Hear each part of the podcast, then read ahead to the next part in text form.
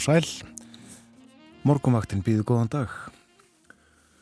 Það er þriðu dagur í dag, komin 12. desember. Klukkunum vanda nýjum mínutur í sjö. 12. desember. Þýðir það þá ekki að það eru 12 daga til jóla? Ég held það. Það er kallt á landinu víða og engum í upp- og einsveitum á suðvestur hlutalandsins. Tölvert frost áttastega frost til dæmis í Árnesi, í uppsveitum Árnesíslu og 11 stega frost í Stafóldsei í Borgafyrði. 5 stega frost hins vegar í Reykjavík, heiðskýrt í höfuborginni hægur vindur. 4 stega frost í Stikkisholmi létt skíð. 5 stega frost á Patrísfyrði og 6 stega frost í Bólungavík. 3 stega frost á Holmavík. 9 stega frost á Blönduósi. Þryggjastega frost við Söðunisvita, fimmstega frost á Akureyri, þryggjastega frost á Húsavík, Logn þar, fimmstega frost á Rauvarhöfn, þryggjastega frost á Skjaldingstöðum og tækjastega frost á Eilstöðum, Alskíja þar, einstig frost á Höfni Hortnafyrði, fjórastega frost á Kvískerjum, fimmstega frost á Kirkjubæðaklaustri, tveikjastega frost á Stórhauða í Vestmannegjum og frost eins og gefur að skilja á hálendinu. Við höfum hér tölur frá bæði Káranhjúkum og Holtavörð heiði sjösti á frost á þeim stöðum og þar svona um það byrjum mitt á milli í veiðivatnarhaunni 13 steg af frost. Og frekari frosttölur hef ég hér, eh, kaldast var á þingvöllum þegar eh, frosti fór í rúmar 14 gráður. Það var enn kaldara á mývatni, næstum 16 steg af frost þar og tæplega átjónstega frost og sandskiði. Já, landið er blátt í dag. Og uh, þannig verður það framanáttegi í það minnsta. Fremur hæg breytileg átt og bjartað mestu, frost 2-11 stig. En það gengur í sunnan 5-13 metra á sekundu á söður og vesturlandi í dag og þeiknar upp. Regning eða snjókoma með köplum síðdeis og hlínar smám saman. Á morgun kemur all djúb lægð inn á Grænlandshaf. Hún beinir til okkar hlýri söðlægri átt. Það verða 10 til 18 metrar á sekundu á morgun og talsverðrykning sunnan og vestarlands. En væta með köplum norðaustan til á landinu. Og hiti á morgun 3 til 10 stík. Það dregur úr vindu um tíma annað kvöld og þá kólnar aftur með skúrum eða slittuhjaljum og á fymtudag er svo útlitt fyrir enn meira kvassviðri 15 til 23 metra á sekundu og jél en yfirleitt þurft veður um landið norð austanvert og heitin í kringum frostmark. Millandaflugi liggur niðri. Flugumferðarstjórar eru í verkvalli þeir sátu með við semyndum sínum á fundi hjá Ríkisáttasemjara í gær en uh, fundi var slitið án árangus eða niðurstöðu allavega og uh, flugumferðarstjórar fóru heim úr vinnunni klukkan fjögur í nótt og uh, mæti ekki aftur fyrir tíu og uh, ekkert flóið á meðan. Þýðir að vélar Æsland er og play sem að koma vanlega vestan að kringu 6 á mótnana get ekki lend og kom ekki fyrir já um tíu þegar hægt verður að lenda og kepla ykkur flugulli á nýjan leik og uh, þá þarf að gera og græja eins og gengur og uh, svo fara þær kannski einum og hálfum tíma að setna eitthvað svo leiðis í uh, loftið til Evrópu þessar uh, flugferðir sem eru farnar vennilega frá svona hálsi og mótnana. En uh, þetta er sem sagt uh, vinnustöðu nummer eitt hjá flugumferðarstjórum og semist ekki í dag eða á morgun að þá kemur til þeirrar næstu að morgun er sem sagt 50 dagsins og á sama tíma melli fjögur og tíu.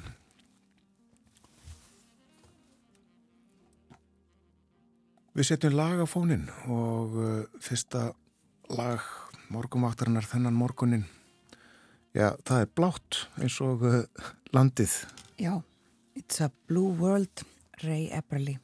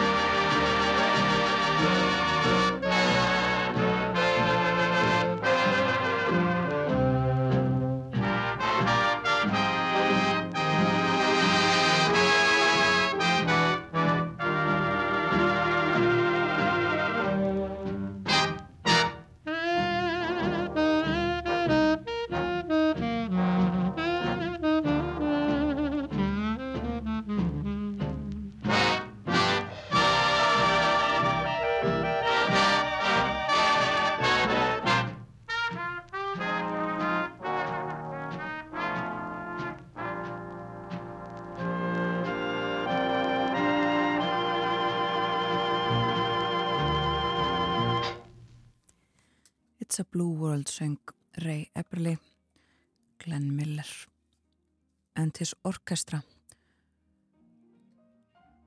Við leipum frettastofunni að það koma frettir eftir halva mínútu.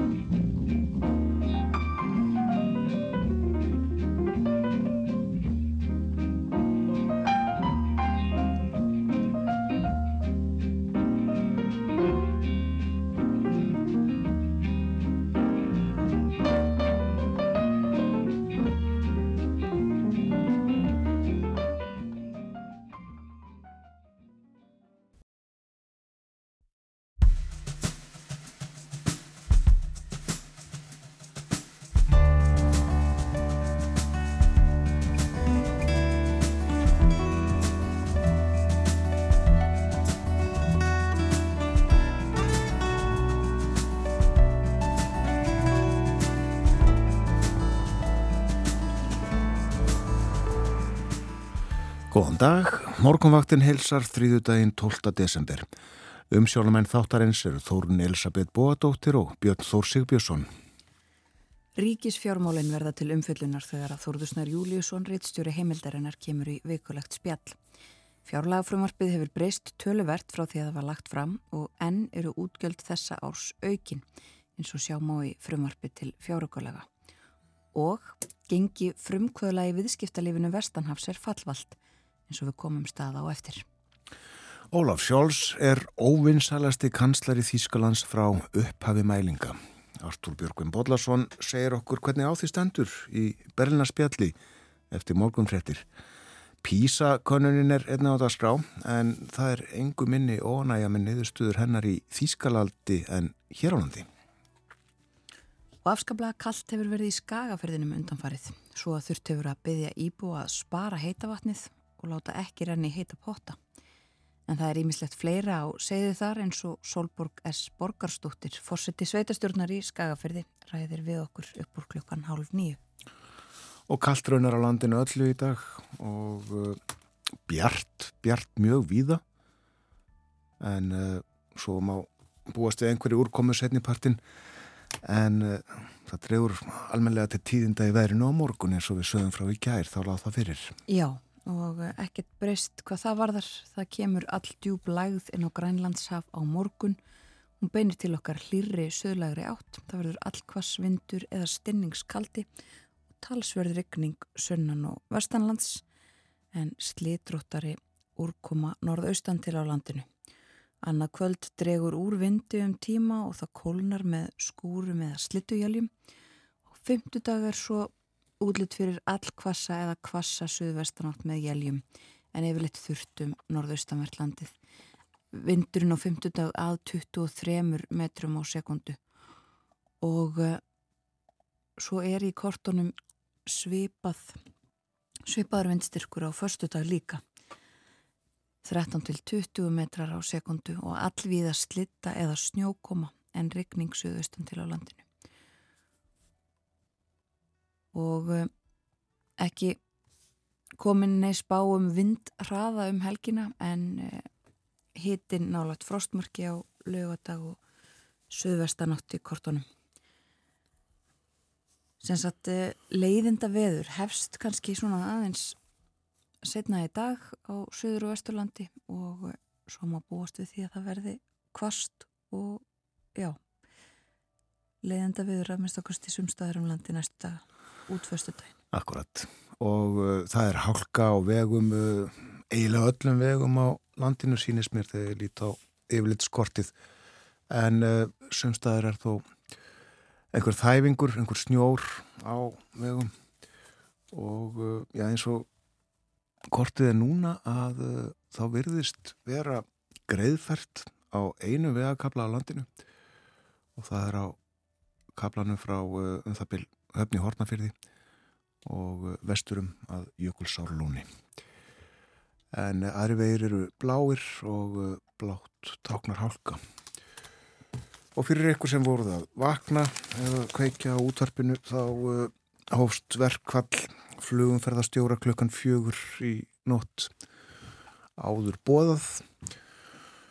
Það tókst ekki að ná samkomlægi um kærasamning flugumferðastjóra á fundi með við sem sem eh, eru samtök aðtönlýsins hjá Ríkisáta sem er að gær og vinnustöðun Hórsklokkan fjögur. Hún er tímaböndin, stendur til tíu en uh, það þarf að uh, fresta eða aflýsa einhverjum 50 flugferðum þar um byll verður sem sagt hægt að fljúa aftur klukkan tíu, lenda og taka á loft. Og uh, svo er önnur vinnustöðum búið á fymtudaginn og enn aðrar í næstu viku.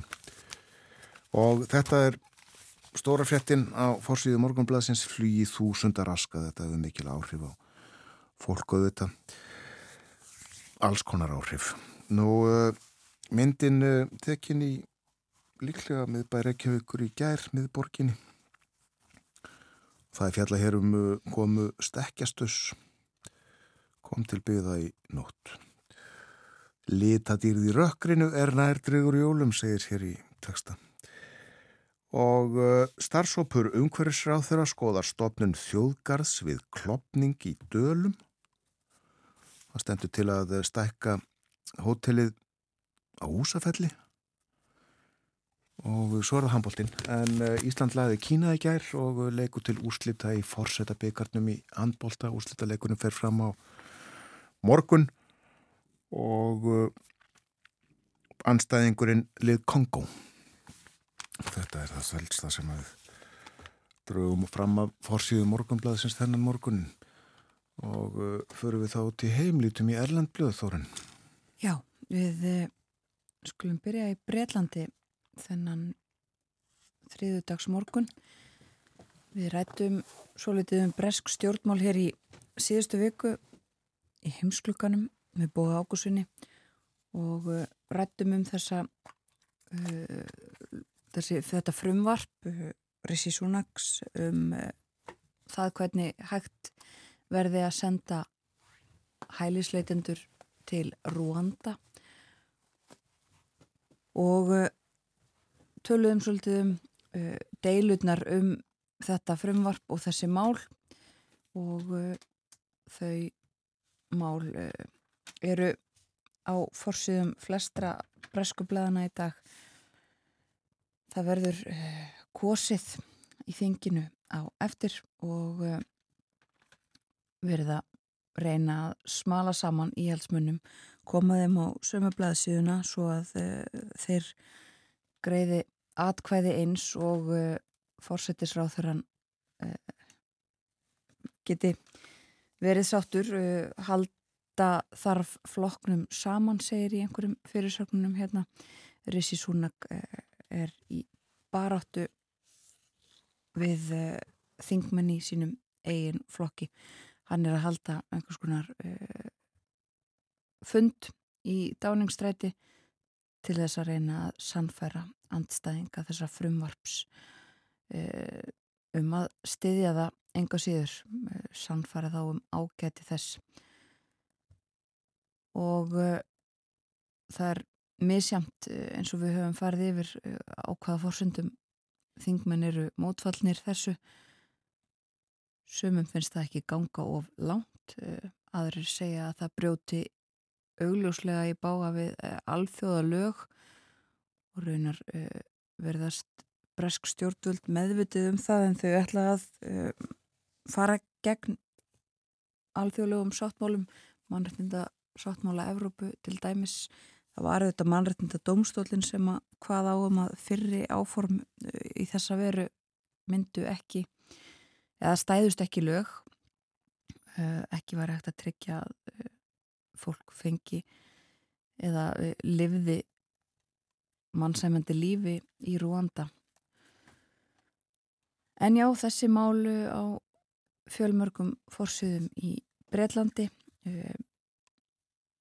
og það er líka fjallað um ég bæði stöðumála á Gaza og í Úkrænu og raunar einn fórsýðu fréttin á The Times í Breitlandi fjallar um það að Benjamin Netanyahu fórsættisráþara Ísraels hafi fordæmt Vladimir Putin fórsætta Rúslands fyrir að krefjast vopnallés á Gaza.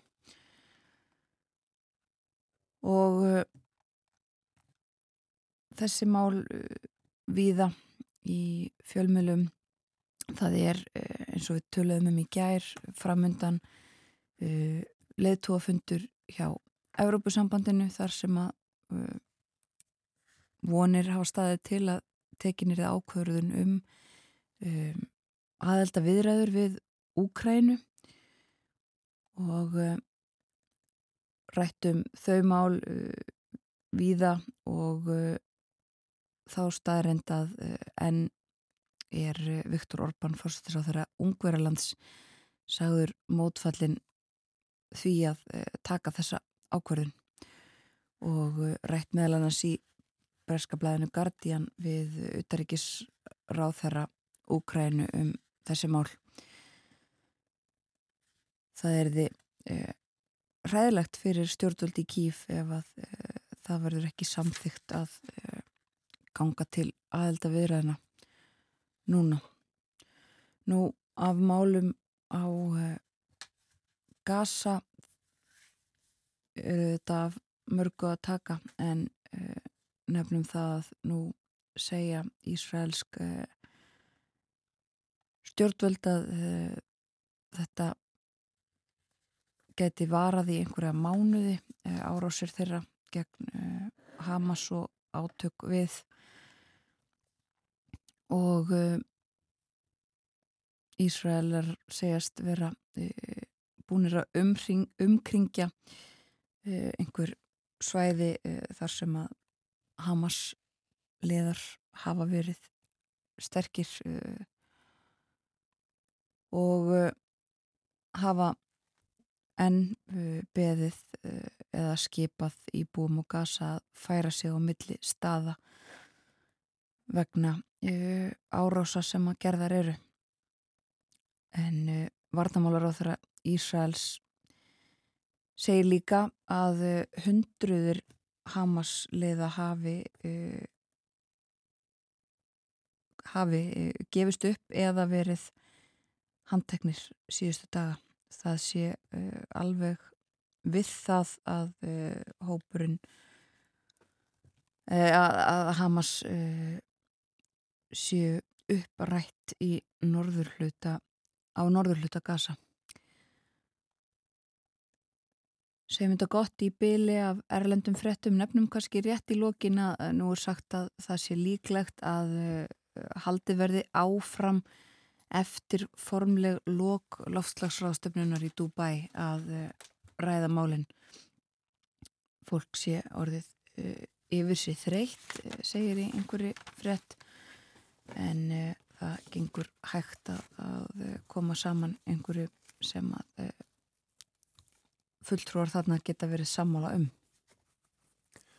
Kom heim, það eru jólauglissingar í útvarpinu og sjónvarpinu og vefmiðlunum og morgunblæðinu, notalegar jólagjafir. Segir hér í einni gjafa öskjur fyrir hana, segir í annar auglisingu í morgunblæðinu í dag og svona má áfram halda að gefa vandaðagjafir sem endast og veita ánægu. Ég fann að ganni jólaauðlisingar, jólagjafaauðlisingar í eh, dagblöðunum fyrir hundrað árum og ég er hérna með eh, vísi frá 12. desember 1923. Jólatri komu með Íslandinu til að keða móti pöntunum Jón Hjartarsson og Kó. Bræðbestu ástar, nóðra og jólakleinur gera þær konur sem baka úr glæniri smára júrtafeiti. Byðið manna í búðunum. Reynið einnig að steikja jólamatinn í smára júrtafeiti og þér munu ekki sakna smjörsins. Víðar er guðen í görðnum, görðum. Það er ekki nýtt því eh, verslunin Þjórsá lögavegi hefur selt og selur mólasíkur á 70 að öðra og áframartalið. Hendugar jólagjafir, sundu efni slifsi, kjólasilki. Það var Bergþórsdóttir Veslun sem að auglisti svona. Og uh, fleiri blöð, uh, gleðileg jól vil ég allir hafa, en til þess verða heimilinn að verða snirtileg. Ég hef fyrirlikjandi smekkleg húsgögn við allra hæfi, húsgögn sem gera heimilinn skemmtileg og aðláðandi og uh, íslenskar svipur voru einni auglistar sem góðgjöf Karla, Kvenna og Úlinga í mesta úrvali og það var Samuel Ólafsson sem að auglisti. Besta jólagjöfin er smekkleg og vönduð reglíf frá Martini Einarsinni og Kó. Til jólana Karlmanns regnfrakkar, kápur, hattar, bæði harður og linir, húfur, handa fullornum og drengjum, treflar úr ull og silki. Svo er það hérna Sportfuruhús Reykjavíkur sem auglisti í eh, morgunblæðinu Jólaráð Sportfuruhúsins í dag, 12. desember. Ungu menn, gefið kærustunum ernemann handtösku myndavél í jólagjöf. Það skerpir kærleikan. Dæmi um uh, jólaulsingar úr blöðunum frá því fyrir 100 árum.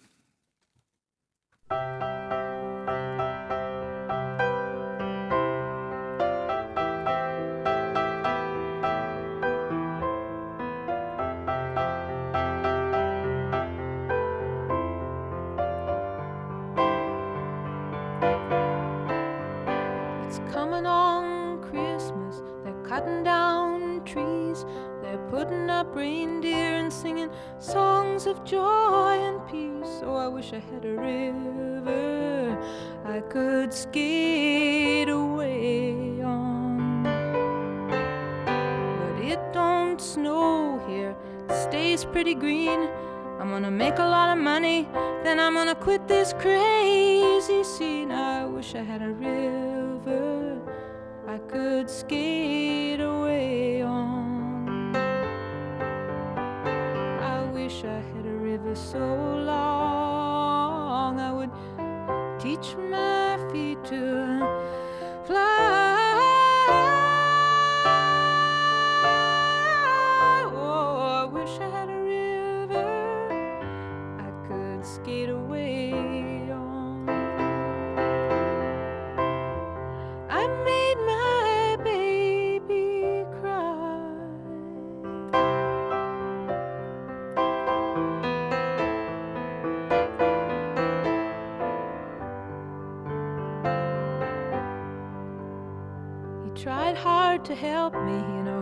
put me at ease, and he loved me so. Naughty made me weak in the knees. Oh, I wish I had a river I could skate away on.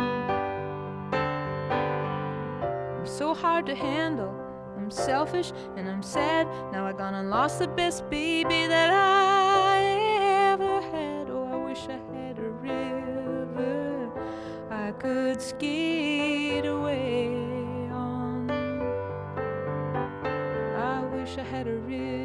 so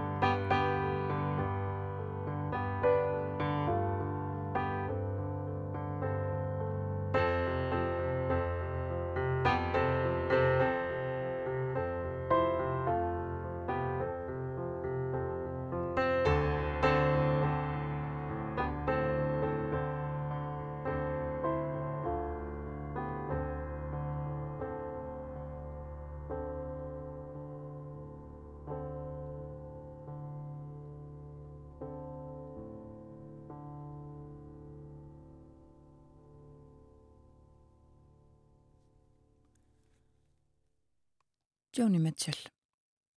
River heitir þetta lag af plötunni Blue frá árunni 1971 talar þarna um jólin sem nálgast.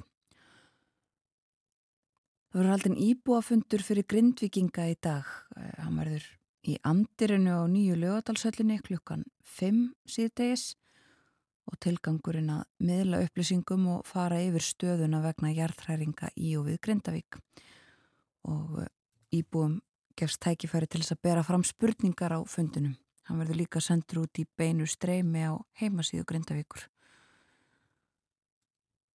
Þarna verða um, Benedikt Haldursson frá viðstofunni, uh, einhver fulltrúi frá almannavörnum, Huldaragniður Átnadóttir frá Náttúruhamfaratryggingum og Sigurður Engi Jóhansson innviðar á þeirra og uh, nokkri til viðbútar sem verða þarna og setja fyrir svörum.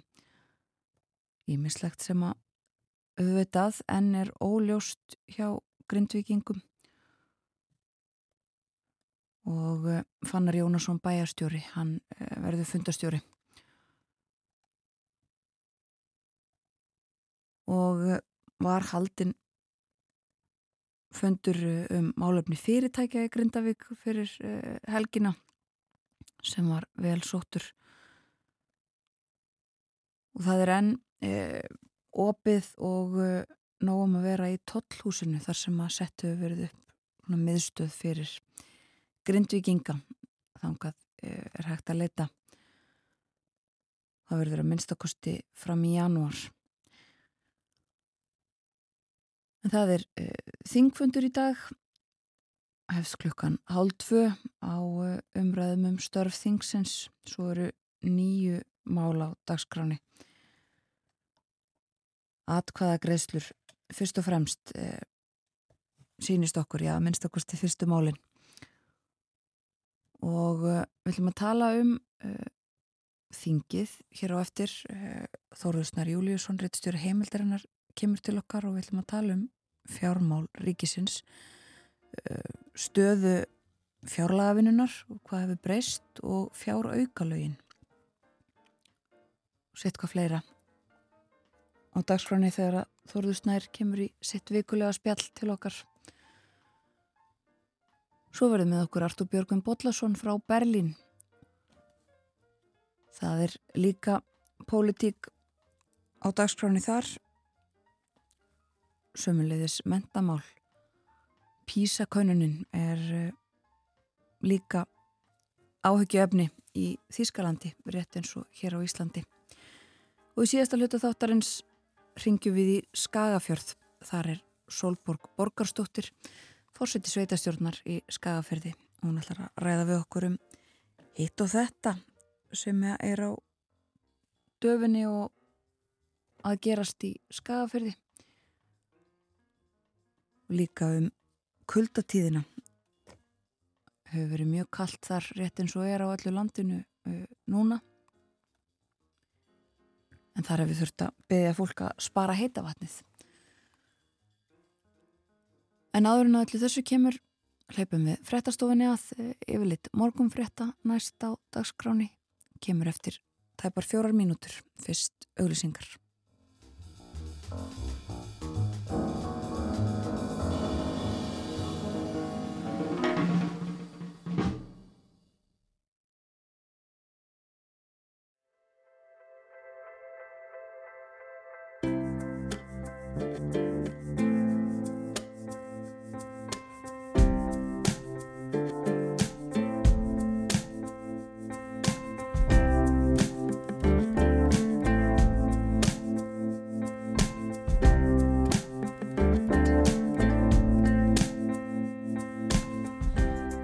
Sæl og ný, þetta er morgunvaktin á Rás 1, það er þriðu dagur í dag 12. desember, klukkan réttliðilega hálf átta.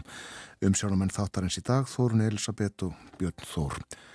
Það farið við veðurhorfur dagsins hér áðan í frettaði við litinu og uh, eins og framkom frostið 2-11 stíg en þetta breytist og breytist hratt og á morgun verður hitastíð á landinu frá þremur og að tíu stígum færi sem sagt úr uh, talsverðum mínus í dágóðan pluss svona með við ástíma allavegana. Og uh, það mun regna hressilega á uh, bísnastórun hlutalandsins á morgun. En meira en veðri setna ég minni á að Artur Björgun verður með okkur eftir morgun fréttitar klukkan átta Berlínar spjall á þriðju degi og við ætlum meðal annars að tala um stjórnmálinn uh, kanslarinn Ólaf Sjóls er óvinsall og uh, hann er það ómisall að uh, hann er hreinlega óvinnsalasti kanslari Þýskalands frá því að mælingar hófust. Ræðum uh, þessa stöðu við Artur Björgvin og fjárlagagerðina í Þýskalandi sem að gengur erfiðlega. Það fjall dómur fyrir ekki svo lengu í uh, hæstarétti landsins. Niðurstaðan, já, eins og fjárlögin stóðu þá fjárlaga frumarpið, þá var það gegn lögunum og því þurftu að hugsa þetta allt saman upp á nýtt og uh, erfitt að koma þessu saman. Förum yfir þetta. Uh, tölum líka um písakonnuna en uh, í Þýskalandi er mikil óanæja með niðurstöður písa í þar í landi bara eins og hér og eins og svo víða í álfunni virðist vera en uh, við heyrum af uh, umræðunni í Þýskalandi í spjallinu með Artúri og eftir. Og svo er það lífið og tilveran í Skagafyrði þar hefur verið kallt eins og uh, víða annar staðar að undanförnu. Og staðamála þannig að skakfyrringar eru beðnir um að spara hittavatnið og þeir eru meðal annars kvartir til eða beðnir hreinlega um að nota ekki heitu pottana sína. Við heyrum að þessu. En nú er sestur hjá okkur Þórðursnar Júliusson Rittstjóri heimildarinnar. Góðan dag og velkomin til okkar. Takk fyrir. Við ætlum að tala um uh, ríkisfjármálin hér uh, Þísk ríkisfjármála á dagskrá og eftir en uh, Íslensku ríkisfjármálin til umfjöldunar hér og nú. Bæði þær breytingar sem að orðið hafa á fjárlaga frumvarpinu í meðförum þingsins, fjárlaga frumvarpi fyrir næsta ár og svo er það fjáröka laugin þar sem að fengnar eru heimildir til útgjalda sem að þegar hefur verið stopnað til á árunu en ekki var heimild fyrir í fjárlögunum. Já og uh, þar eru tölverar breytingar kannski eins og við var að búast uh, og eru auðvitað alltaf. Fellur alltaf eitthvað til í lokás þegar það er verið að samþykja fjárauka lögin Það er ekki allt fyrir séð. Þetta er ekki nákvæm vísindi það að hérna, áalla uh, útgjöld ríkisjós uh, ár fram í tíman og ímislegt hérna, getur gerst í millitíðinni sem það er að bregðast við og auðvitað það sem er eftir að bauði eru þær aðstæðar sem að skapast í grindaug og nákrenni og stjórnvöld hafa þurft að grýpa inn í með, með, með tölvöru festu og tölvöru kostnaði.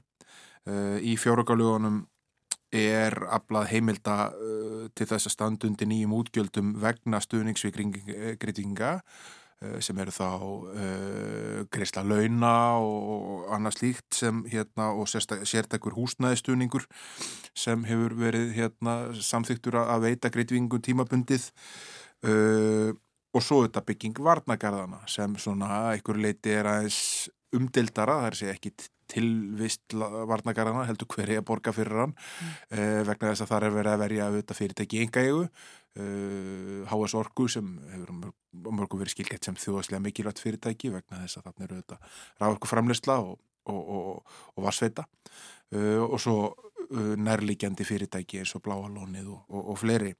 Og samanlagur kostnaður Ríkisjós vegna stuðnings við greitinga og bygging varnagarðana í svartsengi kallar á útgjöld upp á 5,1 miljard á þessu ári mm. og það er fyrir séð að auðvitað útgjöldin muni uh, aukast uh, eða halda áfram að vera til staðar á næsta ári þegar hérna, það líkur ekkit fyrir neinn, endalega laust um það hvernig hérna, mál þróast á þessu svæði eða hvernig þurfum við að breyðast við þegar allt er yfir staðið. Já, en enn er eh, stendað þessari sérstöku skattlagningu á, á uh, fastegna eigendur þegar ekki út á varnakorðunum. Já, og hún á að skila miljardi króna ári og verður byrjað að innhemta þau gjöld á næsta ári þannig að þá þá er hann að klóra tilbaka eitthvað hluta af þessum fjármunum. Mm. Hinn svona kannski stóra aðtíksverða breytan er, er, er, eru viðbúta framlög til bænda sem fá uh, rúma 2 miljardar vegna þess að þau þurfa að takast á við erfiða fjárrakstuð og uh, bændur hafið þetta sagt að þetta sé svona drópi í hafið en hérna uh, en þarna er að minnstakosti ríkið að mæta þeim með einhverjum hætti umfram það sem, sem, sem þegar gerir samningar uh, kalla á að verði gert. Já, bændur hafa sagt að það ekki að, að þá mætti 10-12 miljardar. Jú, eitthvað slíkt og þarna er þetta tvískipt, þetta er hans verið 1,6 miljardar sem fara, uh, já meðan hans er yngri bænda og, hérna, og svo 500 miljónir sem fara inn í mjölkugótakerfið til þess að, hérna, að mæta stöðunni þar mm. uh, og þetta mun skila því að það verður halli á Ríkisjóð 5. árið í röð eða 5 ári í röð eh, vegna þess að það er fyrir síðan að það veri halli á næsta ári líka uh, og halli núna er áallaður 54 miljardar á þessu ári það er, hér eru við að tala um endanlegan halla uh, ekki frumjöfnuð eða önnur ný slík tískor Nei.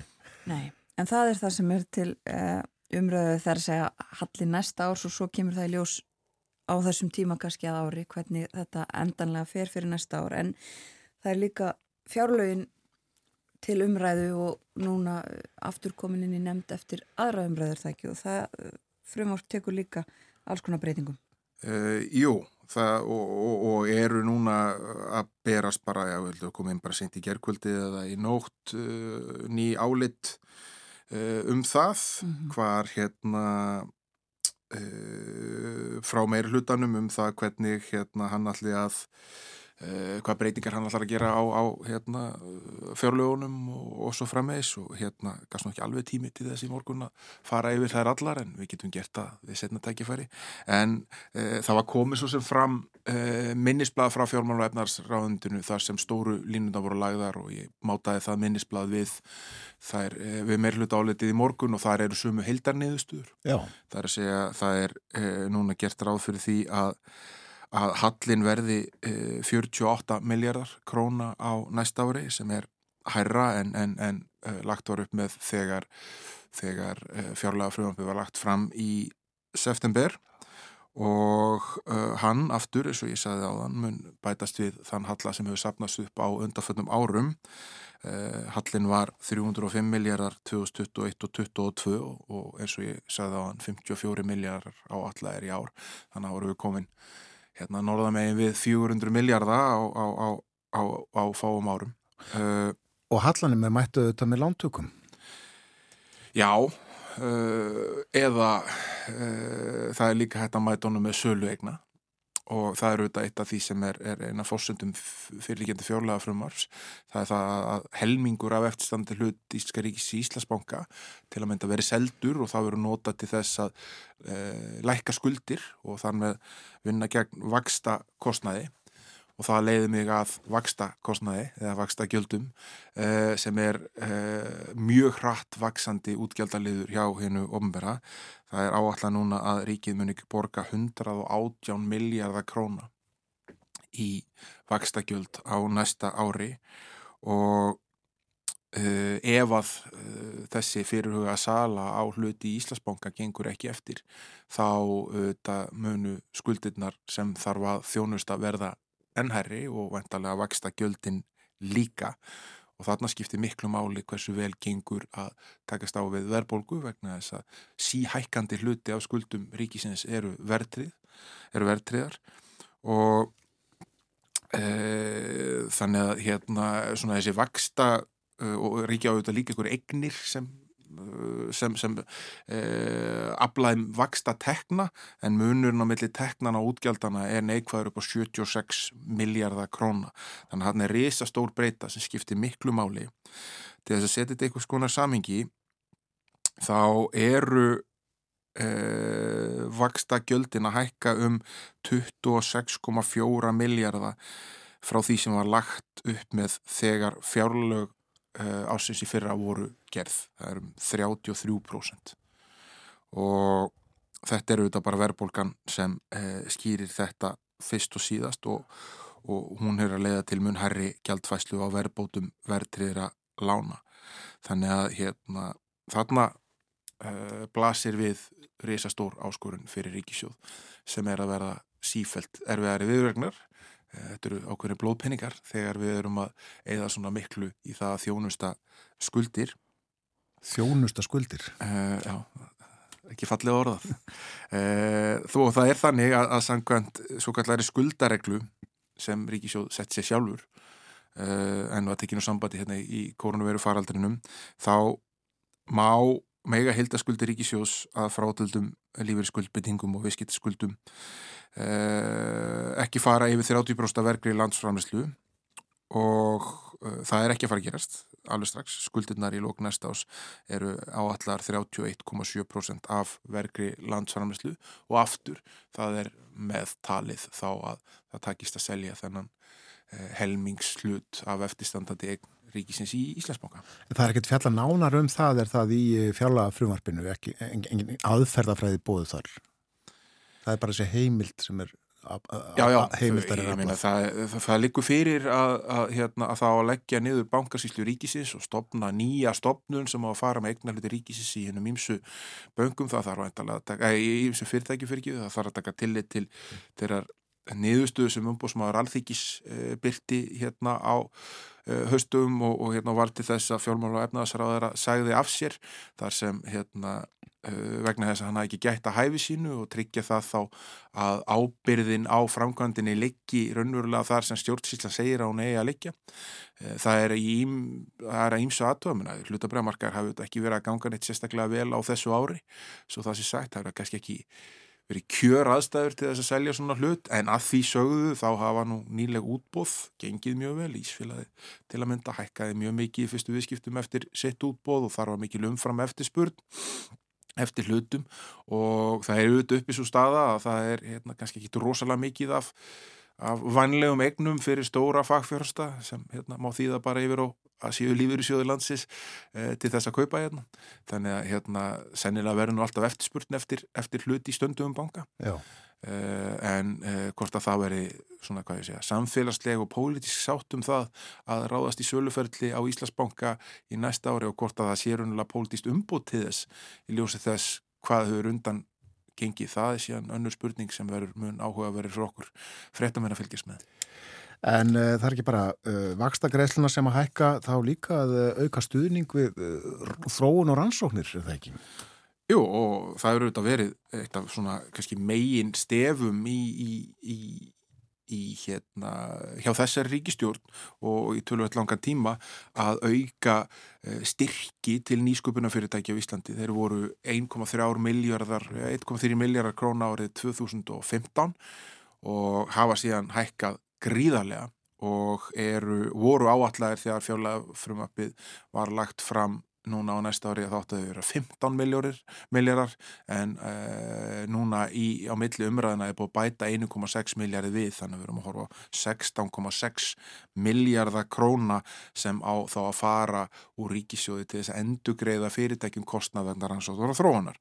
Og það er lengi verið hérna Uh, þú veist, auðvitað bara þessu frumkvæði þessu ofnbæra hefur verið fagnað vegna þess að þarna hefur verið að fjölga eggjónum í korfunni og, og nýta hugvitið og búa svona styrkja greinar þar sem framleiðinni er miklu herri en í mörgum öðrum stórum greinum á Íslandi og svo frammeðis en það hefur skort á uh, bæði eftirlit með greiðslónum og það hefur verið gaggrínt hjá þeim sem fara með það uh, og það hefur verið skort á mat á því hvernig hefur gengið, hverju er þetta skila þetta eru fjölda fyrirtækja sem eru að fá til dæmi styrki á hverju áru ríkisjóði sem eru margföld veldan þeirra. Það er að segja miklu, miklu herri uppaðir en þau eru að abla nokkur sinni sem eru að fá í þessa ríkistyrki og það uh, var síðan gerð uh, úttekt uh, efnaðs og framfarstofnunin og þessi djefa fenginn til þess að, gera úttekt á uh, því hvernig hefur gengið og þar uh, kemur meðal annars fram að, að eftirlit og eftirfylgni með styrkjunum sé verulega ábútavand. Uh, það eru markáttaðar aðtöðasendir gert við það. Eitt helsta vandamáli sem blasir við að mati og sitt ég er bara það að það er skortur og gögnum og reglulega eftirliti með styrkþegum og verkefnum við það.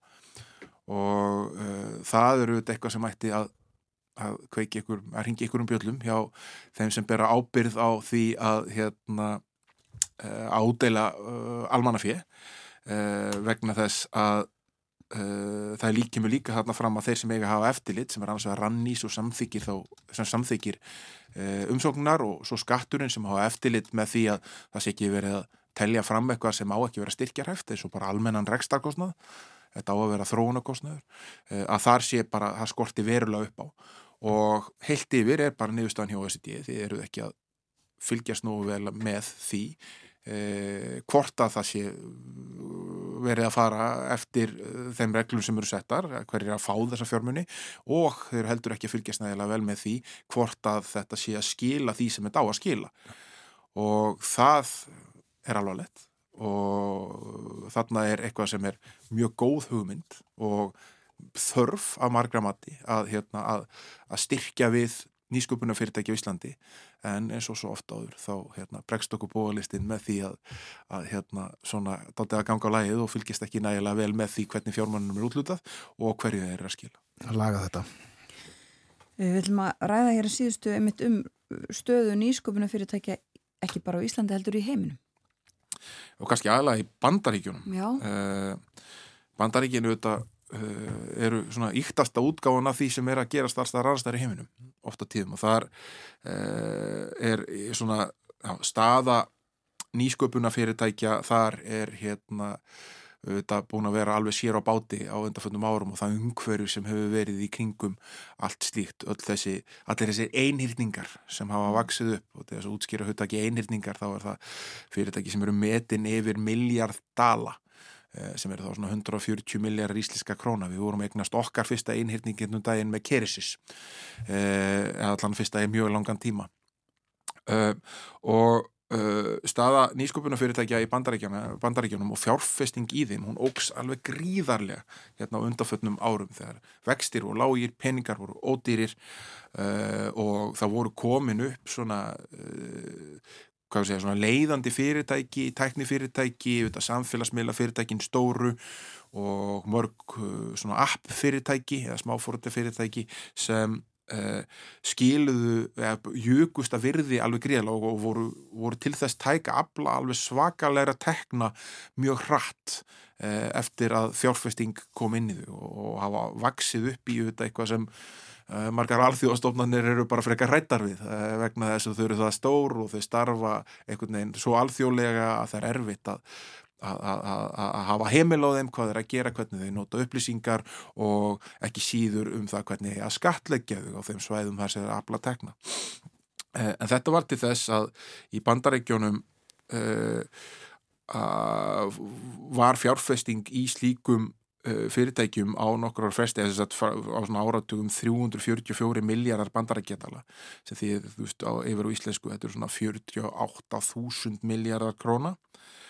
Og uh, fyrir vikið jóks, óks fjöldi þeirra sem fjallu undir þessa svona einhyrninga skilgreiningu úr því að uh, vera nokkri týjir yfir, yfir því að vera 1000 fyrirtæki á ekkit svo langum tíma.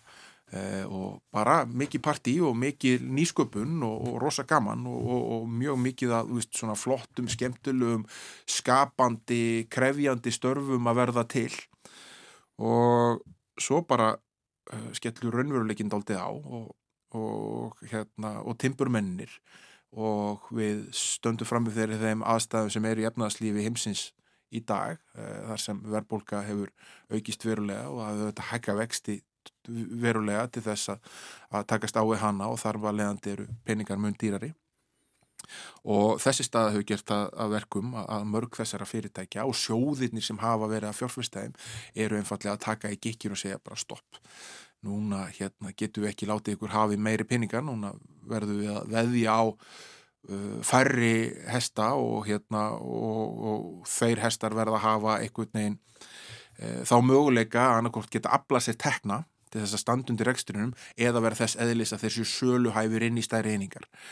Og fyrir vikið hafa um 3200 uh, fyrirtæki sem flokkast uh, undir þennan hatt farið í þrótt á bandaríkjunum á þessu ári þar á meðal uh, risastór fyrirtæki eins og WeWork sem náða að sapna sér 11 miljardum bandaríkjadala sem eru svona 1500 rúmlega 1500 miljardar íslenska króna í fjárfestingu á, á sínum líftíma uh, og er núna komið í þrótt uh, annað svona þekkt dæmi sem er notað í umfyllunum bandarískra fjölmjöla um, um þetta ástand er, er rafskutlu fyrirtæki börn sem hérna svona til þess að setja það í samiki er doldið svo hopp hérna á Íslandi er leiðjátt hérna rafskutlur og, og rafhjól og, og annað slikt og var sett á, á fóta manni sem heitir Travis Vandersanden sem hljóma svona eins og hondukalli bíómynd uh, var áður hjá Uber og Lyft sem eru þetta fyrirtæki sem mm. tókst vel upp á þessum tíma uh, að búa til þjónustu sem var ekki til staðar uh, og hann náða,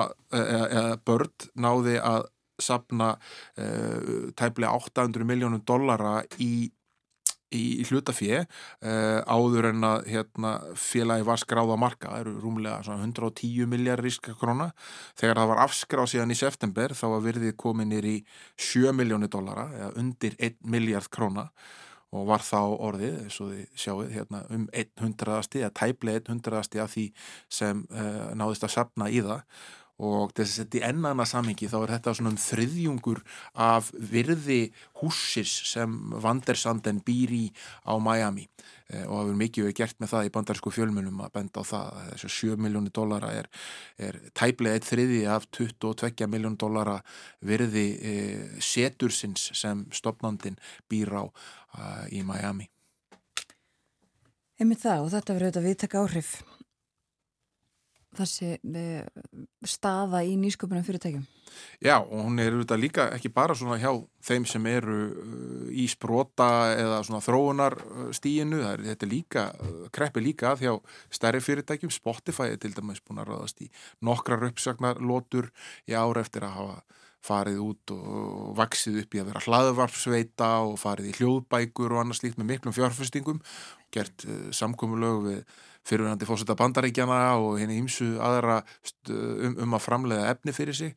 Og það hefur reynd kostnæðasamt og erfitt að skila hagnaði eftir þær fjárfestingar. Sama auðvitað með X sem hétt einu svona Twitter og er með hérna, aðtækksverðan mann í, í eigendastóli sem hérna, hefur bein áhrif á, á getu þess fyrirtækist til þess að afla sér tekna og hans yfirlýsingar hafa orðið til þess að það eru uh, nokkur hundru stóru auglisendur sem er að halda á sér hundum annarkort í pásu eða hættir auglisa á meilinum og það skilar því að, að þar er meðillan að verða af þúsundum miljardar uh, auglisingatekjum Takk fyrir í dag Þóruðsnær Júliusson, Rittstöru heimildarinnar. Takk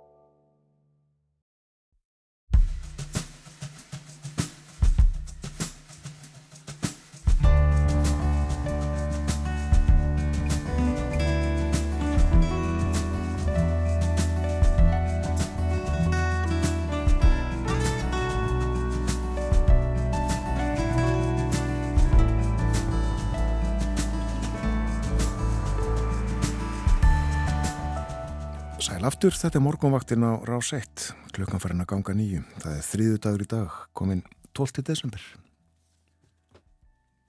Þorðusnar Júliusson, Rittstöru heimildrannar var hjá okkur áðan fyrir frettinnar. Rætti ímislegt eh, um stöðu nýsköpuna fyrirtækja eh, og um fjárlögin, breytingarnar á fjárlögunum, fjárlöga frumvarpinu eh, sem áttu nú að vera komið eitthvað aðeins lengra en það er eins og það er oft gert ráð fyrir því en þá að þingi ljúki störfum hér á landi í lók þessara viku. En ímislegt eftir að gerast áður en að ekkert verður að senda þingmenni jólafrí. En já, fjármálinn og pólitíkin á dagskrá áðan og eh, tölum aðeins um pólitík líka á eftir þegar við ræðum við Solborgu Borgarstóttur hún er fórsetið sveitastjórnar Skagafjörðar til maður ræðum lífi og tilveruna þar eh, og eh, tölum um ímislegt eh, líka eins um kuldan það hafa verið svona kuldapollar í Skagafjörði afskaplega stöðugur kuldi og þarf að passa upp á heitavatnið alveg sérstaklega en ennþá meira af pólitík. Já og uh, nú Þýskri í símanum hjá okkur er Artur Björgum Bodlason sem tala frá Berlín. Góðan dag. Góðan dag. Og við ætlum að demba okkur í pólitíkina, fjallagerð og uh, vinsældir eða öllu heldur óvinsældir ríkistjórnarinnar og uh, sérstaklega sjóls kanslara. Já, það eru alltaf að segja að það sé ekki mikil sipning með ríkistjórn sjóls og hann sjálfan hér þessa dagana það hefur verið mjög mikið róanaði með, með starf uh, eða það sem sjálfs hefur verið að gera og stjórnin í held. Uh, það var að gera kannun núna í síðustu viku sem að sýnir að það er ekki nema 20 af 100 sem telja að sjálfs sé hlutverki sínu vaksin og sé að gera góða hluti. Og tæplega eða um 20 tvö af hundraði þjóðverði verðast mjög óanaði með framistöðu þísku ríkistjóðaninnar og þetta eru afar slæmar engunni svo ekki sem er að sagt. Og eh, með því að sko margir af eh, mörgum flokksískinum sjálfs er mjög þungt í sinni. Eh, nýkjörin formaður Júsós, ungra jafnamann hans segir til dæmis að þessar afleitu niðurstöru í skoðanakönnum síni að það sé eitthvað meirin lítið bóið við stefnu kanslarans. Og þetta er hans eigin kanslari Og hann er þeirra skoðuna, þessi ungi jafnaðamöður, að jafnaðamenn hafi ekki náð fram neinum sínum stefnumálum í stjórnarsamstæðunum við frjálsta demokrata og græninga. Þeir þurfi, segir hann, að gera miklu meira til þess að stöðula að samfélagslegum jöfnuði og stemma stegu við vaksandi fátætt í landinu sem er jú meðal þess sem jafnaðamenn hafa á sinni stefnuská og hafa alltaf haft og Og gaggrínendur í flokki Sjóls, þeir benda líka á að hann hafi í raun aldrei verið neitt sérstaklega vinsætt í flokknum. Því að velgengni flokksins í síðustu kostningum hafi hins vegar árið til þess að, þeir sem voru ekki hlýðhóllur honum ákvaða að hafa hægt um sig og gefa honum grið til að geta sendt þessu starfi sínu. En, en í könnunni sem bestist í síðustu viku, þá voru kjósendur líka spurðir hver væri þeirra óska kanslari, hvernig vildu helst sjá í þessu ennbætti og uh, það voru ekki nema 5% þjóðarinnar sem nefndu Scholz. Það þurfa mótið töldu liðlega 15 af að kjósenda að Markus Sutter, fórsetta bæðarlands, vera miklu hæfari til að gegna ennbættinu og það segir sína sögu. Já, og þetta er þetta alltaf aðrar og, læri tölur heldur en Merkel nokkuð tíman sá. Já, já, og það er haft á orði, ég sá því einhverstað að sennilega hefði engin kanslari notið uh, fengið jafn lítið fylgi í skoðanakonum fyrir það síðar eins og Ólaf Sjóls þar að segja.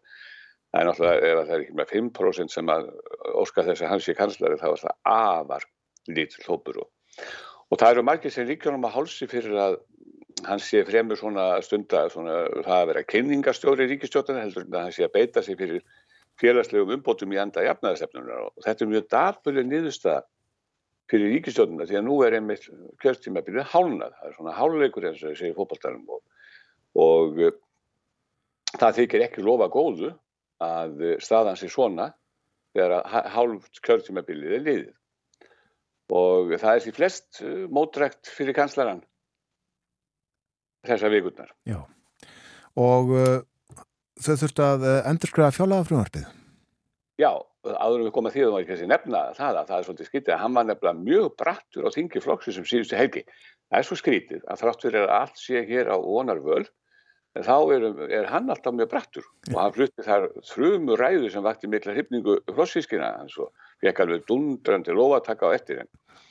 En uh, þú nefnir hjálflegin og það er sko mjög óljóst, ég heyri það núna rétt í frettónu hjá okkur að það verði að ganga frá hjálflega frumvöldur á Íslandi mm -hmm. Eh, en hér er ekki verið að ganga frá því að þér virðist vera því að það er mjög óljós hvort að ríkistjóninni tekst að stoppa í fjárlaga gati sem myndaðist hér í Ískalandi þegar að hæstir réttur landsins ógildi fjárlaga frumappi sem búið hafi verið gert á dögunum og, og uh, það þarf að finna sem 16 miljardar sem enn vantar til þess að enda nái saman. 16 miljardar evra verðum ekki og það er engin smá penningur og uh, svo er það bara þannig að frálsvið demokrata þeir þvertaka fyrir þá leið að fara að hækka skatta að auka skattindu til þess að bæta í stoppa í gatin og græningar neyta að skera niður útgjöld til umhverjusmála og á flokkstinginum helgina þá saði Ólaf Sjálfs að útgjöld til félagsleira mála er það alls ekki skorin niður. Þar var í jafnaðamönum að mæta Þannig að það vil enginn skera niður í sínum eiginlugu stefnumálum og þetta er bara hennilega allt í hess höndum svo ekki sé nú sterkall orðatekið. Nei, hér á Íslandi e, þarf að samþekja fjárlög fyrir áramót e, ef ekki þá þarf að grípa til alveg sérstakra ráðstafana svo hægt sé að e, greiða peninga úr ríkisjóði en hvernig er þetta í Þýsklandi? Það er, reglan er svo að það sé gengi frá fjárlögum fyrir áramót, þess að fjárlögum næsta árs fyrir lokið, fjárlögagerni fyrir áramót, þetta hefur alltaf verið þannig og ég held að það sé mjög sjálfgeft hér. Veitum ekki hvort það er lögbundið, það er mjög sjálfgæft hér að fjárlög sé ekki tilbúin fyrir áramót og þetta er já, nánast einstæmi hér. Sjáum hvernig þetta allt saman fer, við fengum písa niðurstöðunar í síðustu viku og mikil óanægja hér á Íslandi með þær, þetta hefur verið niður á við og það samar upp á tengum í Þýskalandið ekki? Jó, þetta er Íslandi ennum ekki eitt á báti þar því að sangvænt niðurstöðun þessari písakonnunar sem að þá þá hefur námskeitt við þýskra skólakrakka og, og nefndi af yngstu kynsluðinu sakað verulega síðustu ári hér í Þýskalandi og þetta eru verstu niðurstöður að, fyrir þýska nefnendur frá því að písakönnun var fyrst gerð fyrir rúmum 20 árum og það kemur í ljósa kunnáttu nefnda í yngri bekkjanum hefur sakað bæði í lestri eins og Íslandi skilsmir og reikningi auk þessum ástandi hefur jáfnframt verið uh, frekar, uh, eða því það hefur vestar líka í svokvöldum raungreinum en það er mætt líka þessum konunum og einna mest hefur niðurseflan orði í starfræðinni. Þar hefur kunnáta þýskaranemenda og áhuga, áhuga eða kunnáttu og áhuga raka mjög mikið á árunum 2012 til 2022 og sérfræðingar í mentamálum að þeir reyka vaksandi áhuga leysu uh, og gagva starfræðinni eða á starfræðinni, engum til þess að nefnundu finnist ekki lengur hafa þörf fyrir hana og uh, tölvutni getur bara séðum að, að reikna allt sem er reikna þarf. Þetta er mjög merkilegt að 30% af 15 ára umlingum í þýskum skólum þeir ráða ekki lengur við uh, sko, einföldustu reikningströytir, bara einföldustu reikningsstænum á segja. Og lestarkunnáttan, þar komum við líka því sem hefur eitthvað svo í Íslandi, þetta er líka landlægt hér að lestarkunnáttu nefnda hefur, er mjög ábútafand og það eru einhvern tvær ástæði fyrir þessar dignum telja sérfræðingar hér þeir sem hefur láta til sín taka á þessu sviði að þeir segja annars við að segja náttúrulega COVID-faraldunum sem gerði ílt verra þessi Þessi tignun, þess, já, má segja, var byrjuð áður en að COVID-faraldunum skall á. Og það er eitt sem verður að taka fram þar, og það skilur þjóðverja frá Íslandingum, að hér var bóstarlega öllum skólum lokað í langan tíma. Og eftir því sem ég best mann þá voru Íslandingar að reyna að halda upp einhvers konar kjenslu. Og síðan er líka annað, að þjóðverjar eru, það verður að segja þess að er miklu verðstattir í tölvumálum og í stafrænum málum heldur en Íslendingar.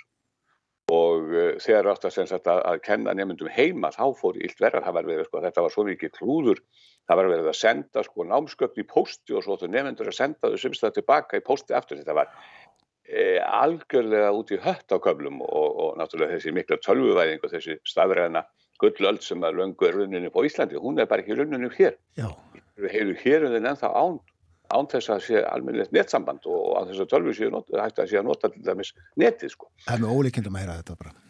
Já, og það er þessari, þessari stóru þjóð, en svo er ekki annað sem að náttúrulega er og það verður að nefna og það er ekki það sem að hefur verið að hjá Íslandinga en það eru auðvitað það að hinga hefur stengt gríðarlegu fjöldi innflytjenda síðustu árin.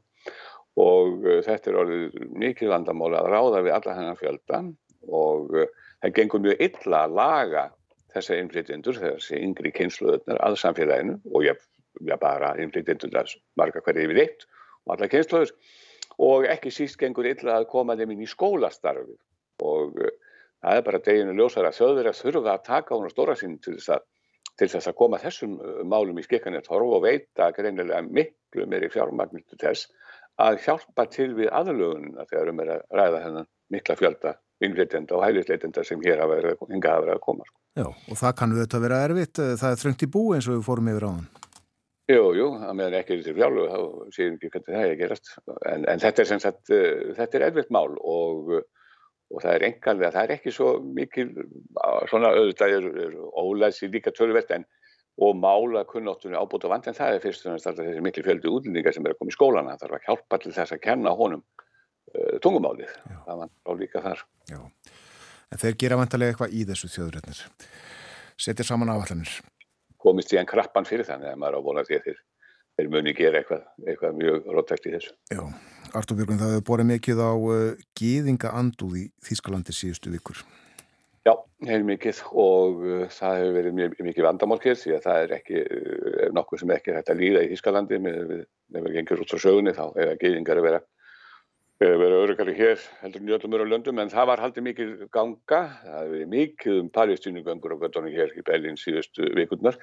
En svo var haldið mikið ganga núna til þess að andmæri geðingahatri og uh, þar fóru núnum síðustu helgi í fyrir dag, þar fóru fremstir uh, í göngunni. Nokkur framámenni þýsku samfélag, Hubertus Heil uh, var þarna og sem er atvinnbórar og fósetti þingsins, Berbil Bass og hún flutti mikla ræð á fundinu og þá voru margir sem töluðu þarna þessum fundi Það sem að þeir sögðu sendt út, uh, móttuðu var aldrei framar, það gildir núna, það voru einhvernar orðgöngunar. Og á útífundi sem var haldið með Brandenborgarliði þar töluðu eins og segi margir og ekki bara pólitíkus eða stjórnmálamenn heldur líka listamenn ymsir og uh, tónlistamenn. Og uh, þar og meðal var söngaskaldið Herbert Grunemæjar, hann er nú ekki mjög þekktur í Íslandi, hann er búin að vera lengi í eldlínu hér, hann er fættur 1956 og hefur verið þekktasti skemmtikræftu þjóðveri og söngvari á liðnum áratögum átt fjöldalaga á þíska vinseldalistanum og eh, já, hann er náttúrulega, eins og ég segi, ekki mikið þekktur í Íslandi, kannski bara á gett í lókinu að heyra, þegar hlustendum rása reitt að heyra eitt af hans lögum, nýjast að leið, hvernig var það? Já, mér líst vel á það. Já, ekki bara spila þá leggundir gestlan uh, eh, lagið Angstfræ eða Óttalös sem að hann sendi frá sér, Herbert Grunnumægir, fyrir á þessu ári og er svona dæmi gert og lag fyrir þennan rockaða, þetta rockaða söngaskáld. Og svona líkur Berlinarspjallinu í dag. Kæra þakki fyrir að vera með okkur á morgunvaktinni, Artur Björgum Bóllarsson. Takk sem er leiðis.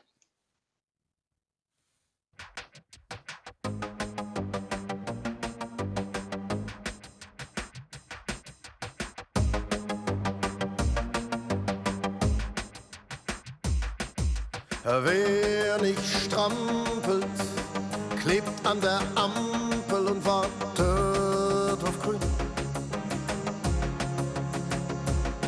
Der Ernst der Lage steht außer Frage, jetzt heißt's durchzuziehen. Wir schaffen uns nicht ab.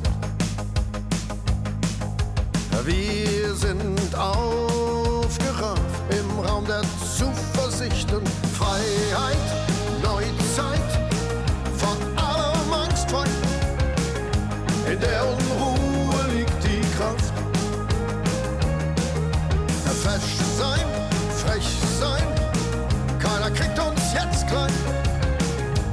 Darüber nach, darüber nach.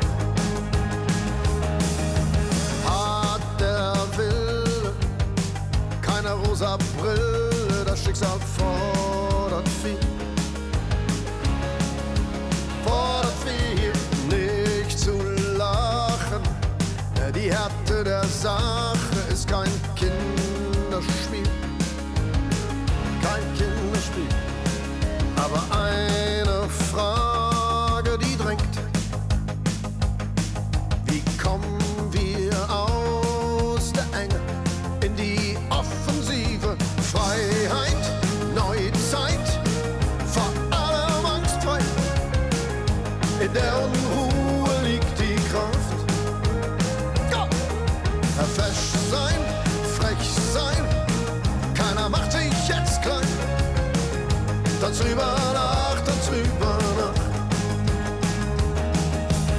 Verletzlich, unersetzlich, springe deiner Brust. Die Wahrheit finden und verbinden mit purer Lebenslust.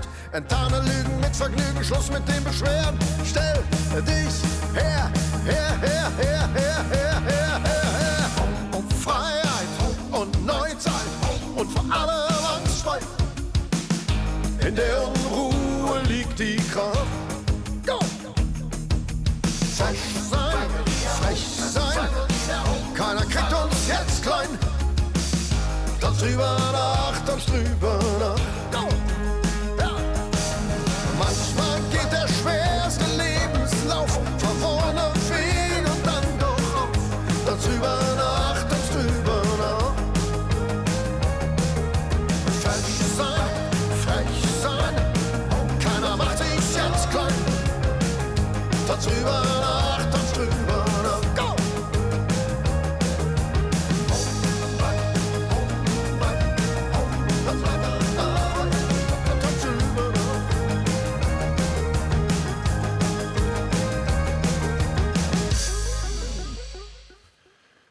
Nýjasta nýtt frá Herbert Grönemeyer sem er feikilega vinsæli heimalandinu Þýskalandi.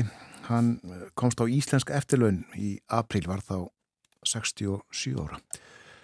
En Artur Björgvin Bóllarsson talaði meðal annars um uh, písakönnuna, niðurstuðunar í Þýskalandi og uh, við höfum nú fjallaðum þau mál hér í þættinum og gerum áfram á morgun. Vekja, mér langar að vekja aðtikli á uh, þætti í sjónvarpinu í kvöld. Við töluðum uh, fyrra á árinu við hana Marensu Pólsen frá Færiðum um uh, þáttinn, þáttaröðuna Færiska krásir voru nokkrir þættir síndir.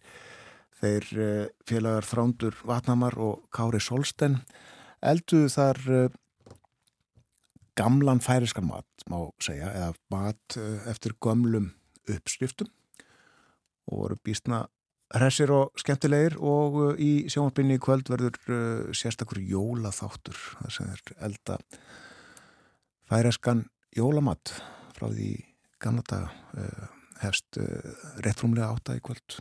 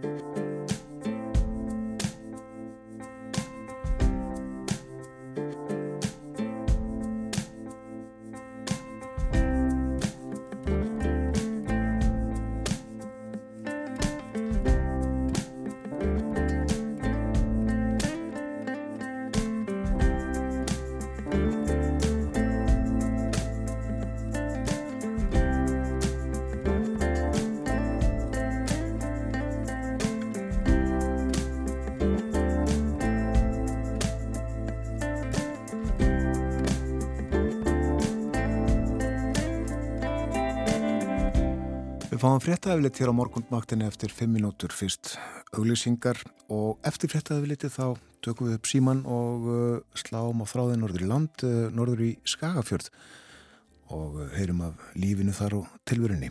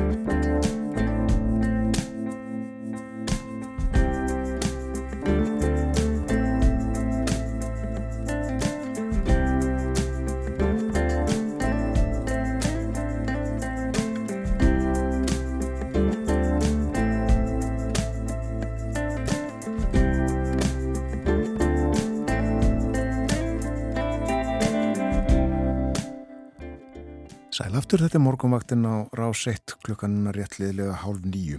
Það er kallt á landinu og uh, rétt að vara við hálkubæði á vegum, á götum og ekki síst gangstjættum og það var hálft gær og uh, frettir saður af fólki sem að flög á hausin mitti sig. En uh, það línar eftir því sem líður á daginn og uh, á morgun verður hreinlega upp undir tíu steg að hitti þar sem hlýjastörður.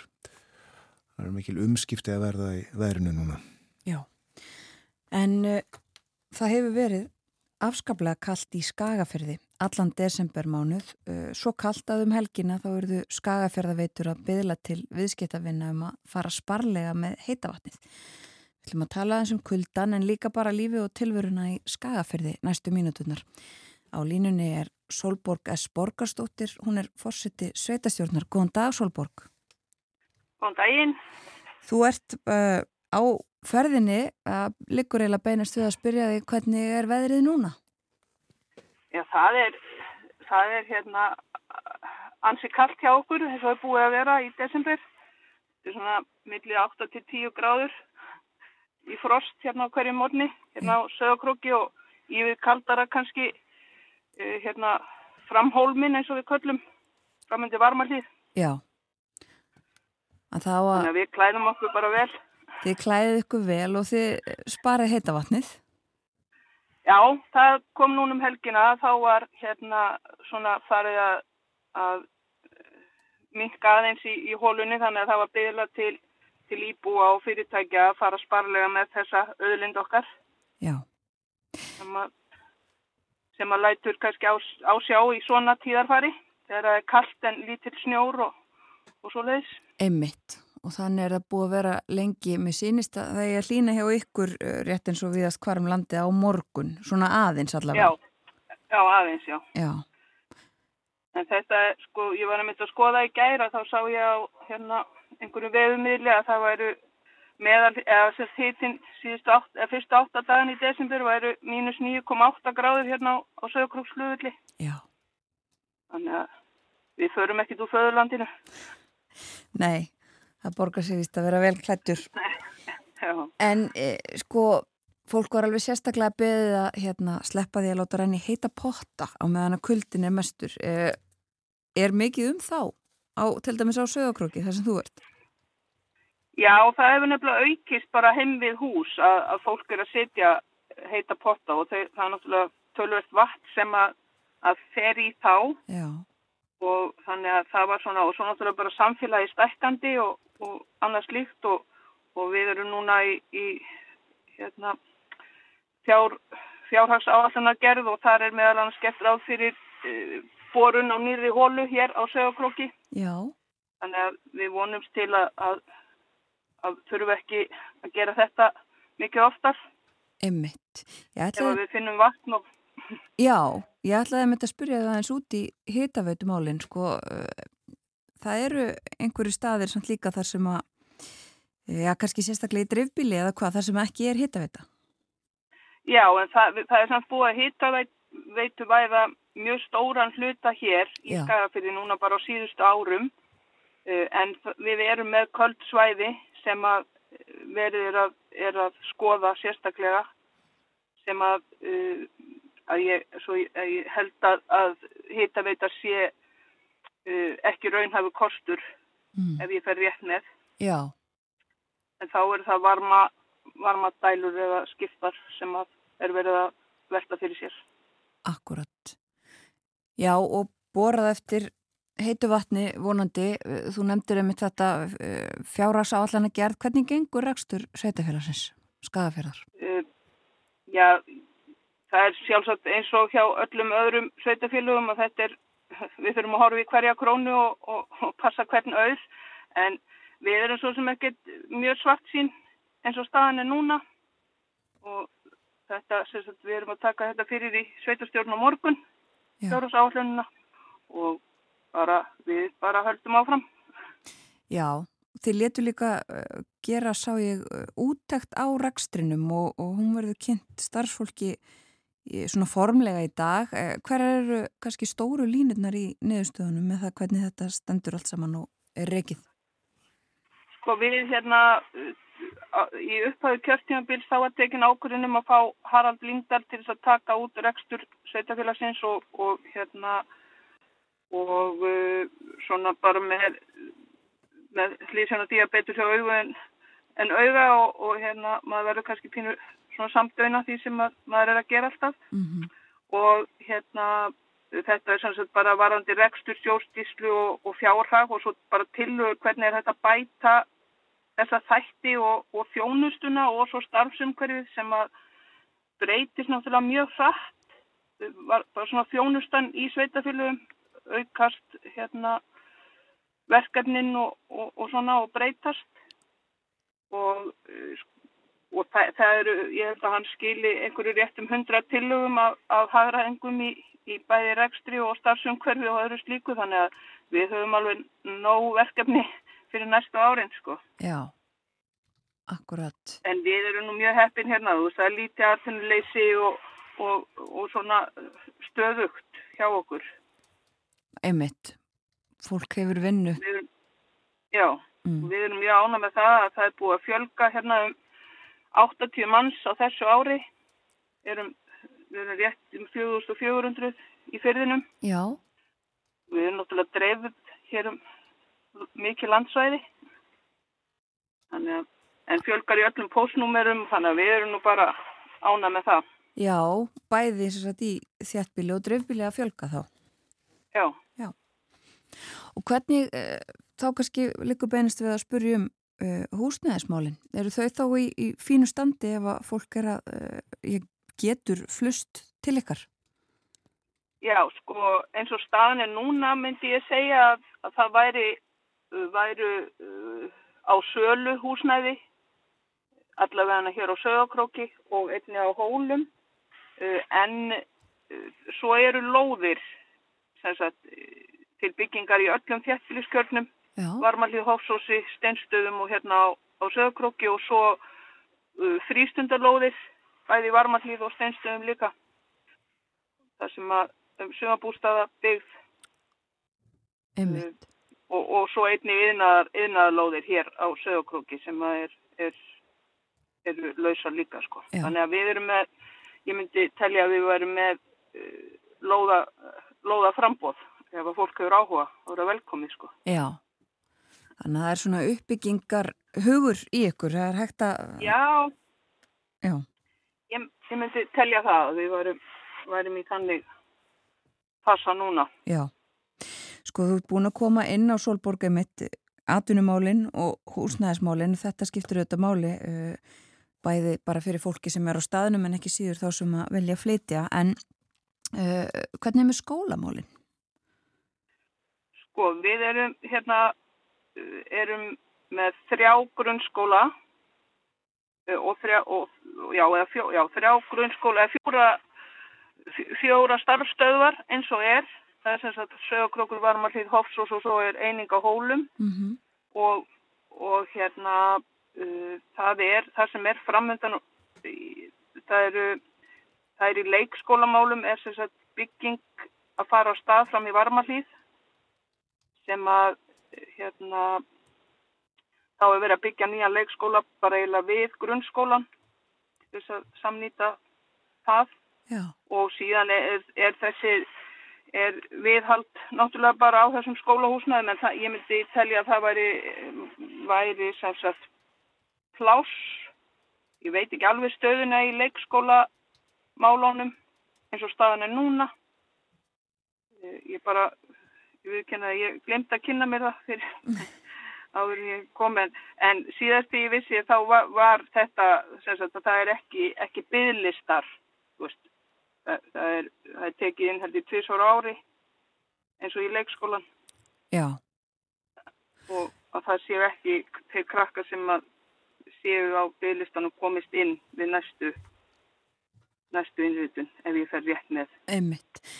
Uppbygging var er það ekki e, svona eitt af skilirðunum eða svona það sem var helst í deglunni þegar að skagaförður og agrarheppur saminniðust í fyrra var það ekki? Jú, það var sagt uh, leikskóli og skólahúsnaði í Varmalíð mm -hmm. sem að leikskólinn þar er rekin á tveimur, tveimur starfstöðum og, og er svona, já, fröngur kostur. Já, hefur þessi saminning gengið vel? Já, ég held að hún hafi gengið ágætlega. Það er náttúrulega bara þannig að það er ekki alltaf allir sáttir við svona breytingar en, en eh, ég held að, að það endur samt þannig að, að þetta sé svona við veitum hvernig orða bara hagraðing fyrir alla Já, akkurat Akrarheppur stóð þarna einn eftir er það ekki eftir stóru sammenninguna? Jú, þeir Akrarheppur var einn eftir, ég man ekki hvernig var samin að stóra, var það ekki fyrir 2000? Já, akkurat, einmitt. Áðurum við sleppum þér uh, Solborg út í daginn, uh, ég ræk augun í það að það er heilmikil svona jóladagskrá, aðvendudagskrá í skagaferði. Viltu segja okkur aðeins frá því í lókin? Já, það er bara nóg að gera hérna í aðdraðanda jólana. Alls konar viðburðir og fólk mjög duglegt að, að, hérna, að koma með einhverja skemmtilega hugmyndir. Það, er allt, það eru tónleikar og matarmarkaðir og, og svo hérna er, er alltaf hérna, mér langar að nefna hérna, er alltaf körfuboltamót hérna á Söðokróki sem er, að vera að halda í 30. skipti og það eru svona áhuga menn og, og hérna, þeir sem er langaði til þess að vera körfuboltahetjur sem að fá að spreita sig hjá okkur Já. og þeir eru semst að halda þetta í 30. skipti og þetta er allt í styrstar köruboltadeildinni sem að hérna, á okkar huga hjörtu náttúrulega eftir árangur síðasta vors. Auðvitað. Og svo náttúrulega langaði mig líka að nefna það. Við náttúrulega erum hérna í miklu landbúnaðar héræði og, og jólinn eru nú, er nú tími sögkindarinnar í, í hérna ástarlífinu þannig að hérna fólk er búið að stútira hrútarskrána og nú er farið að, að kynbæta til þess að við fáum einhver lömp í vor. Þannig að það er nóg að gera á, á öllum bæjum. Já, ég heyri það. Það er nægu öðru að snúast, það er ekki bara jóladagskráðun og aðvendan. nei, nei, nei, nei, það er nóg að gera. Já, einmitt það. Solborg, við ætlum að fara að uh, leipa þér uh, á skrifstofana í vinnudaginn. Já, uh, hvernig, já. Hvernig lítur vinnudagurinn út hjá þér?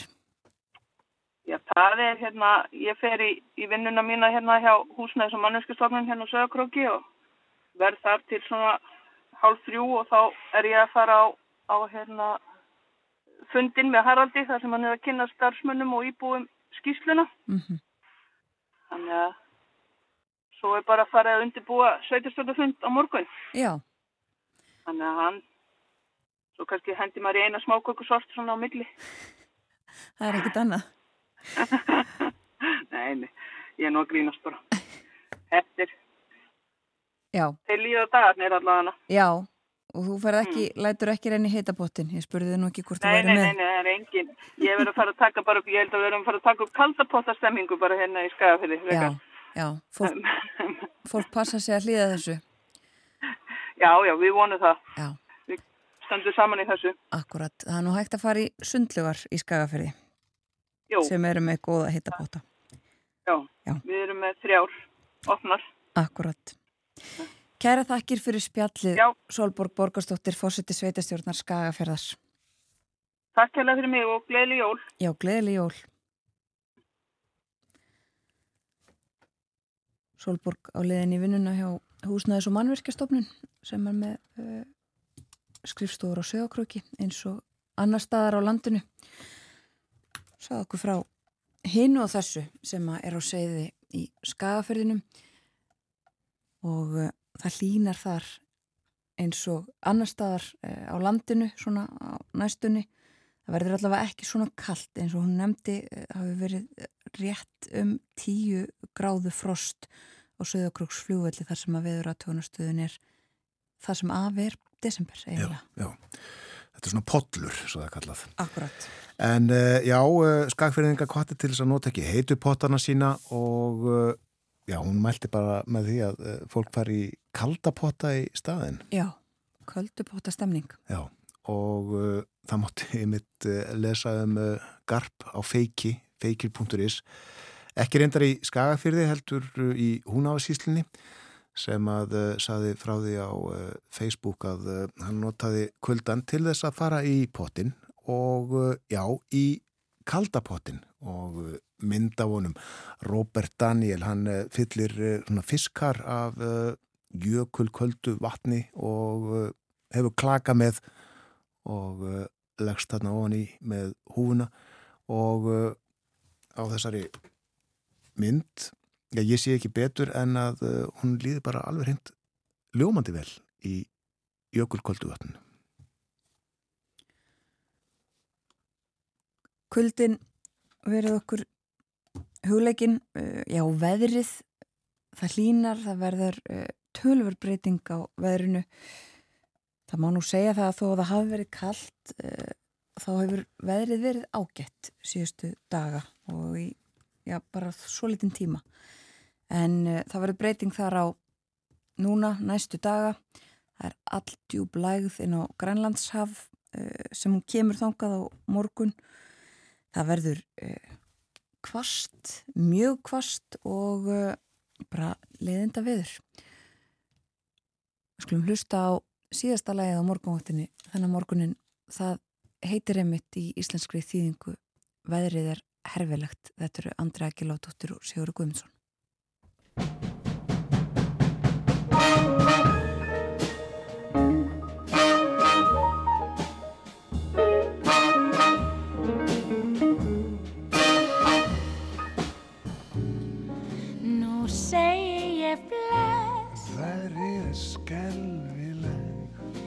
neyðist til þess. Hreint útsagt herfileg.